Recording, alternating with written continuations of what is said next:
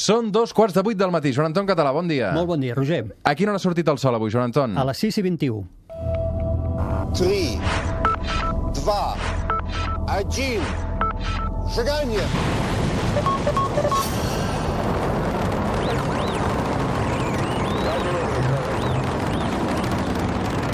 Man, one giant leap for mankind. Joan Anton, com anem? Molt bé, i tu, Roger? La Terra es plana, aquest espai de ciència, d'astronomia, aquest espai que fem mirant cap al cel cada diumenge a l'hora que surt el sol, una mica més tard, des que estem en horari d'estiu. Joan Anton, doncs nosaltres molt bé, molt bé, eh, estem contents. Eh, també ho estan els nostres oients, que veig que et fan regals, perquè Ah. aquesta setmana t'han enviat llibres, Has no? vist, eh? Has vist, eh? Mira, m'han enviat dos llibres aquí a la redacció. Anna Hernández, no posa? Carme, Carme Hernández. Carme Hernández. Que li agraeixo Uh, moltíssim. una abraçada ben forta a la abraçada. Carme. Exacte, perquè a més són dos llibres incunables, són dos llibres de- que tenen ja una certa edat. Carai. Són de l'any 65, Carai. veig. I un és Història de la Comunicació Ah, i l'altre però relacionat amb la ciència, entenc, no, tot? Sí, i l'altre és Història de l'Astronomia, de l'any 65. Doncs imagina't llibres. quin regal, eh, perquè més són llibres allò que, que es noten que tenen història darrere, eh? Sí, i a més són seus, perquè es veu que estan utilitzats, vull dir que s'ha després de, de quelcom que deu Segur ser que té valor. apreciat per Carme ella. Hernández, una abraçada ben forta. Gràcies. Uh, li dediquem aquest sol a Carme. A veure, uh, posa bé l'orella, va.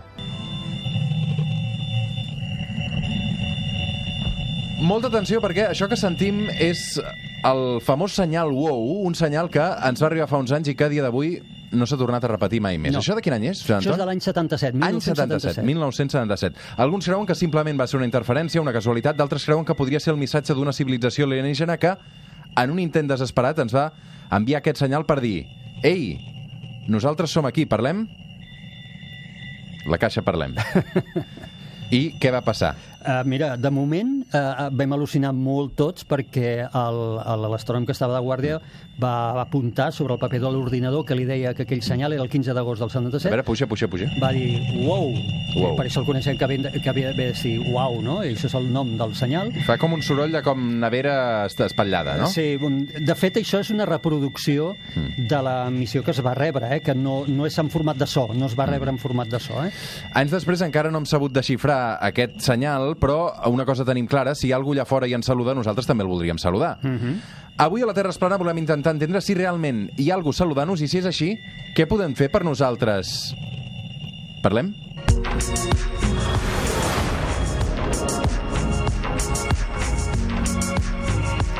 A veure, Joan Anton, anem a pams. Quant temps fa que ens estem intentant comunicar amb l'univers? Mira, bueno, de temps jo diria que fa des de que es va inventar, que després ho parlarem amb més detall, des de que es va inventar la ràdio, eh, ja s'estan escapant ones, emissions no volgudes des del nostre planeta cap a fora. Ara en parlarem. Però des de que nosaltres vam fer el primer intent volgut, de dir, va, anem a enviar quelcom, estem parlant de començaments de la dècada dels 70, 1970, amb unes sondes que eren les Pioneer 10 i 11 de la NASA, que van explorar el sistema solar i portaven les dues, eren dues sondes bessones, portaven uns discs, unes plaques eh, amb dibuixos de com és una persona, de la nostra situació dintre del sistema solar, i va ser el primer intent bastant naïf, bastant ingenu, eh, de comunicar-se amb algú. Jo també a vegades dic bastant desesperat, perquè la possibilitat de resposta és pràcticament nula. Mm. Què vam enviar a l'exterior per intentar mantenir comunicació? Vam enviar aquests, aquestes dues plaques dintre sí. de les sondes, de forma que quan aquestes sondes ja havien fet el seu recorregut pel sistema solar i ja es perdien a l'univers, qui les pogués capturar, imagina't amb lo gran que és l'univers, les possibilitats que hi ha que tu capturis una sonda petita de la humanitat, eh, veiés una placa i, a més, fixa-t'hi, fos capaç d'interpretar uns dibuixos humans, com si aquell que està allà fora hagi de ser idèntic a nosaltres. O sigui, uns dibuixos humans, eh? Uns dibuixos, sí, d'una figura humana, de la posició de la Terra dins del sistema solar, és a dir, el Sol, els planetes i on està la Terra, i alguna altra coseta. Mm. Eh, Se sap què va passar amb aquestes sondes? No, no, no, perquè, clar, la, van, van sortir, estan molt lluny. De fet, l'any 2003 ja vam perdre la comunicació definitiva amb la Pioneer 10 quan es trobava a 12.000 milions de quilòmetres de la Terra. Aquesta sonda va en direcció a una estrella que es diu Aldebaran, però és que trigarà dos milions d'anys en arribar-hi. Imagina't. Um, uh, suposo que em dius, hi havia uns dibuixos, també hi havia, entenc, llengües diferents o... No, això ja és amb les Voyager. Això és amb les següents, el següent intent, que va ser l'any 1977, es van enlairar de la Terra les famoses Voyager 1 i 2, que en aquest moment són els subjectes humans més llunyans, perquè han, han avançat, han adelantat, diríem, a les Pioneer, que també van explorar el sistema solar, i aquestes sí que portaven uns discs eh, daurats, d'or, on, a més de dibuixos, hi havia sons de la humanitat, eh, mm, desenes de llengües, de salut en desenes de llengües, imatges, música, sons de la natura, etc. Però fixa't que torna a ser un, un intent desesperat, que dic jo, perquè tornem a caure amb un cert error, clar que és la tecnologia que teníem, no? però de dir, eh, si és que algú ho captura, amb com podrà interpretar? És a dir, tindrà els nostres ulls? Tindrà el nostre sentit de l'oïda? És a dir, sabrà interpretar aquests sons? Missatge amb codi Morse també n'hi havia? També, també. Aquest el vam enviar, aquest el va enviar la Unió, l'antiga Unió Soviètica contra Venus. Van agafar Venus, i aquest va ser un dels intents així més, més clars de voler enviar quelcom, i van enviar un senyal de radar amb codi Morse contra Venus, que aquest senyal va rebotar i ens va, els va tornar i de fet va ser com una prova de dir escolta'm, som capaços d'enviar un senyal a fora, com aquest que estem escoltant, i que ens retorni. I de fet el codi Morse portava tres paraules, portava la paraula eh, Lenin, la paraula CCCP, que és la URSS amb el, amb el seu i Mir, que vol dir pau. Llavors aquestes tres paraules van repetir i al cap d'uns segons van retornar, això de l'any 1962, van retornar rebotats contra l'atmosfera de, de Venus. Mm. Tu en saps de codi Morse? Gens. No? No t'ha interessat mai? No, no no dic perquè també mai. és un univers que a vegades Sí. tots els que són físics i això també el toquen. Sí, ah, no, no, aquest no. Jo no, no m'he intentat comunicar amb cap eh, alienígena. Però sí que juguen un paper important, entenc, els senyals de ràdio, no? Tot sí. això? Aquest és, aquesta és la, la cosa. És dir, de- des de que nosaltres eh, la, tenim ràdio i televisió, ràdio, eh, s'han estat escapant freqüències, ones, d'una forma involuntària. Eh, recordem que les ones de ràdio, de televisió, són llum. Eh? És llum que sempre dic no visible. Els nostres ulls només poden, veu, poden veure un rang molt, molt petit de la llum. Doncs a la velocitat de la llum, aquestes emissions s'han estat escapant. Per tant, si arrodonim fa 100 anys que estem eh, emetent senyals de ràdio, vol dir que en, una, eh, en un radi al voltant de la Terra d'uns 100 anys llum, que és a on de màxim lluny haurà arribat el primer d'aquells senyals, si hi hagués alguna civilització molt, molt avançada amb tecnologia suficient, ja ens hauria identificat. Ja li hauríem dit, ep, som aquí, sense voler-ho. Perquè són aquests senyals que s'han estat escapant de ràdio i de televisió des de fa molts anys. Mm -hmm.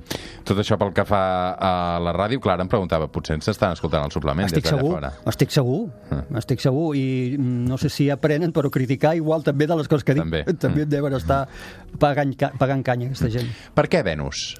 Els soviètics ho van fer amb Venus perquè és un objecte suficientment a prop per la tecnologia de l'any 1962 i era el primer intent que es feia d'enviar un senyal a fora. Llavors es va triar Venus, primera per la proximitat, segona perquè té una atmosfera molt, molt densa que permet que el senyal de radar reboti d'una forma molt clara. I era com, anem a provar si som capaços d'enviar un senyal i que aquest senyal ens torni, la qual cosa voldrà dir que ha fet aquest viatge. Si torna de calat en uns segons, vol dir que haurà anat fins allà, haurà rebotat i haurà tornat. És la gran assignatura pendent, aquesta de comunicar-se amb l'exterior? Sí, Perquè- sí, perquè en totes les civilitzacions eh, tenim la necessitat, bueno, totes, la nostra com a mínim té la necessitat de comunicar-se, sempre. Uh, jo crec que és normal suposar que les de més també puguin sentir aquesta necessitat de comunicar. Uh, això per una banda. Per l'altra és el respondre aquella pregunta que saps que m'amoïna, especialment, que és estem sols? Mm -hmm. Llavors... Uh, Però a, això um, ho hem comentat en algun altre episodi.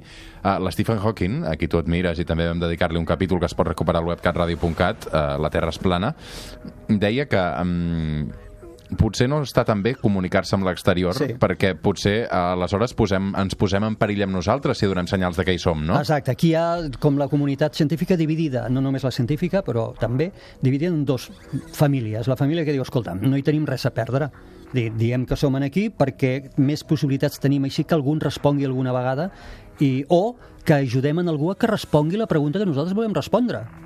Saps? Algú altre que també la vulgui respondre i que en algun moment rebi el nostre senyal i aquell dia digui sí, no estem sols a l'univers. Però després hi ha la comunitat que diu que sense saber qui són ni quines intencions tenen, potser hauríem de ser prudents, buscar-les, però no, ens, no enviar-les. I el Stephen Hawking era un d'aquest grup. També hi ha un altre grup de científics que diu que fem el que fem, eh, a lo millor, en una de les teories de l'evolució de l'univers, a lo millor ja fa temps que hem estat descoberts i que simplement ens observen eh? i que intenten no interactuar amb nosaltres i que, per tant, fem el que Clar, fem. coses que de moment no es poden demostrar, teories les que vulguis. Les que vulguis. El que passa és que jo sempre diferencio el que són les hipòtesis científiques de les que no tenen cap eh, sustentació científica. Totes les que estem parlant en aquest programa sempre parlem d'aquestes hipòtesis científiques, és a dir, que al darrere tenen eh, instruments eh, i edificis teòrics que les poden eh, sustentar. Som al Suplement, som a Catalunya Ràdio, això que sona és la Terra es plana, avui amb el Joan Anton Català. Ens podem comunicar amb l'univers? A veure, Joan Anton, què és el missatge d'Arecibo? Mira, aquest és dels més famosos que es va enviar, ja, aquest ja volgudament, es va enviar l'any 1974 al radiotelescopi d'Arecibo a Costa Rica. En aquell moment era, crec, el més gran radiotelescopi que hi havia a la Terra i es va enviar un senyal cap a un cúmul d'estrelles que es diu M13. És un cúmul que té centenars de milers d'estrelles, vol dir probablement centenars de milers de, de milers de planetes, i es va enviar aquest missatge també en un intent bastant desesperat perquè eh, la llum d'aquell missatge trigarà en arribar allà 25 milions d'anys. Uh, perdona, 25.000 anys. Mm. Per tant, clar, fixa't, és el que dèiem abans, 25.000 anys d'un senyal d'anada que diu hola, som aquí, més, si algú el rep 25.000 anys més de resposta dient sí, us he escoltat com esteu, això fan 50.000 anys. Mm. Mm, doncs probablement els emissors ja no hi siguin Mm. aquí. Com es tria uh, on s'envien aquests senyals? Perquè, per exemple, el cas de Venus ja ho has justificat. Sí. Aquest va ser oportunista. Aquest va ser oportunista. M13, oportunista perquè també M13 és un cúmul d'estrelles. Vol dir que tu pots intentar apuntar a un lloc de l'espai i no, no només estàs apuntant a un- una sola estrella amb el seu sistema planetari, estàs apuntant a un lloc on hi ha centenars de milers d'estrelles com empaquetades en un espai relativament petit.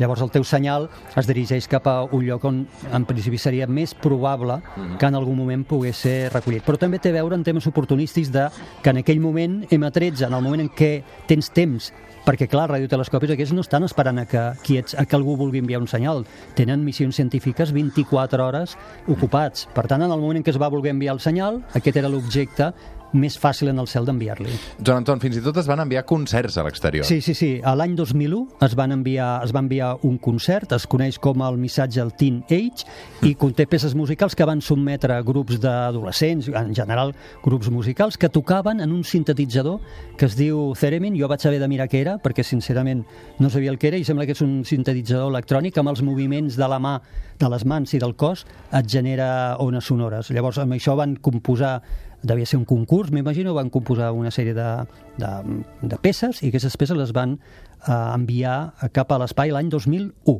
Mm. I els Beatles, també? Ah, els Beatles, Across the Universe, aquesta també. Across the Universe. Across the Universe, el 2008 i des de Madrid. Words are flowing out like endless rain into a O sigui, hem enviat a l'exterior la Cross the Universe dels Beatles des de Madrid. Sí, sí. M'ho expliques? Sí, sí, cap a l'estrella polar. La NASA a Madrid hi té un centre de seguiment important eh, de radiotelescopis. Llavors, eh, per commemorar un aniversari important de la NASA, es va decidir enviar aquest concert, a la peça dels Beatles, cap a la zona de l'estrella polar. Eh? Una altra cosa simbòlica, no, té, no hi ha res especial d'aquesta estrella mm, perquè hagi de ser triada. I es va enviar des de Madrid. Aquest tema sí que crec que era oportunístic, perquè segurament en el moment en què es volia enviar a l'Observatori, als radiotelescopis de Madrid, devien ser els que millor estaven posicionats en el món, en aquell moment, aquella hora, aquell dia, per poder enviar aquest missatge. Mm. Quin és l'última senyal que m'han enviat? L'últim l'últim senyal crec que ha estat el, 2000, el 2016, crec, o 2013, i és un senyal 2016. I és un senyal que s'ha enviat cap a l'estrella polar, un missatge xifrat d'uns 80 d'uns 800 segons de, de durada que conté imatges codificades, frases famoses de gent, etc. Clar, i, digues, digues. No, no, anava a dir, fixa't que al final eh, la cosa s'ha convertit en... No és tan important que ens entenguin, perquè és improbable que algú ens entengui. Clar, perquè el llenguatge juga un paper... Ah, clar, mm, no, no és... sinó que hi hagi contacte. Exacte. Que... Que- I, de fet, sobre aquest tema hi ha la pel·lícula Arrival, que és Exacte. sensacional, perquè va precisament d'això de com desxif... Un cop hi ha hagut, ja saps que hi ha alguna cosa que no és com tu allà, Ah, exacte. com us ho feu per comunicar-vos? Clar, la Rival hi ha una lingüista que tracta amb pictogrames i els ajuda a entendre. Aquí ja ni, ni ho I al intentem. final de la pel·li és boníssim. Sí, eh, no, no farem, no l'explicarem, però És sí. que és molt bo. És molt bo, és molt bo. Eh, però aquí ja no intentem ni això. Aquí el que, el que intentem és el mateix que nosaltres voldríem, que és rebre un senyal que per la forma del senyal sapiguem que no ve d'una font natural que sapiguem que ve d'una font artificial. I amb això ja en tenim prou. Ja no és entendre què et diuen, perquè la probabilitat d'entendre el que et diuen és molt, molt, molt baixa, almenys amb els llenguatges nostres que estem acostumats a utilitzar. Mm. Precisament això de Rival anar amb una intèrpret, no? Vull dir, la prota Sí. és una intèrpret que És- li diuen, és una escolta, tot lingüista. això com ho desxifrem? Exacte, és una lingüista que la, la, la porten a l'equip de la NASA i li diuen, "Escolta, ajuda'ns a entendre que aquesta gent sembla que es vol comunicar. Mm. La comunitat científica, abans em deies, està dividida, però realment um, guanya la versió de no estem sols? Sí, a veure, dintre de la comunitat científica la, el sentit comú sembla que s'imposa i és l'univers és tan immens que pensar que estem sols és, és quasi impossible i a més podria ser un error de manca d'humilitat, eh? tornar a pensar que tot aquest univers s'ha fet per nosaltres.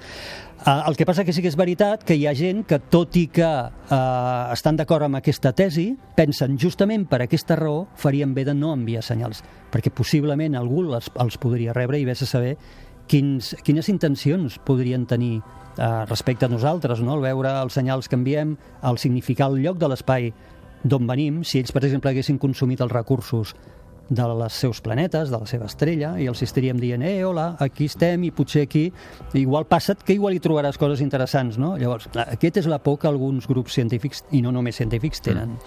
Joan Anton, fascinant això d'intentar comunicar-se també Sí. amb l'exterior. Sí, sí. Eh, segur que en continuarem parlant també en nous episodis. Què hi passarà aquesta setmana al cel? Mira, aquesta setmana podem utilitzar, podem aprofitar que, hi ha, que no hi haurà lluna, que tindrem lluna nova, Mm. mm. per mirar el cel estrellat i localitzar d'una forma molt fàcil i a ull nu una estrella que va bastant eh, vertical a mitjanit, que és de color ataronjat. Es diu Arcturus, i és molt fàcil de localitzar perquè brilla molt i té aquest color ataronjat.